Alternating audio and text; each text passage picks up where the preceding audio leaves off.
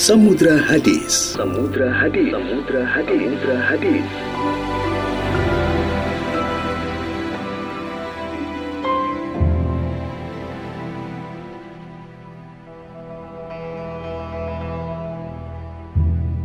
عن جابر رضي الله عنه أن رسول الله صلى الله عليه وسلم أمر بلعق الأصابع والصحفة وقال إنكم لا تدرون في أي طعامكم البركة رواه مسلم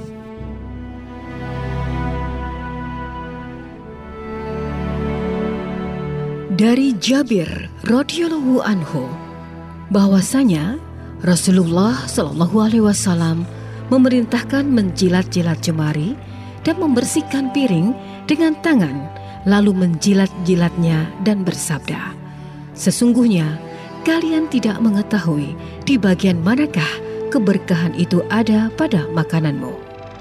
Hadis riwayat Muslim.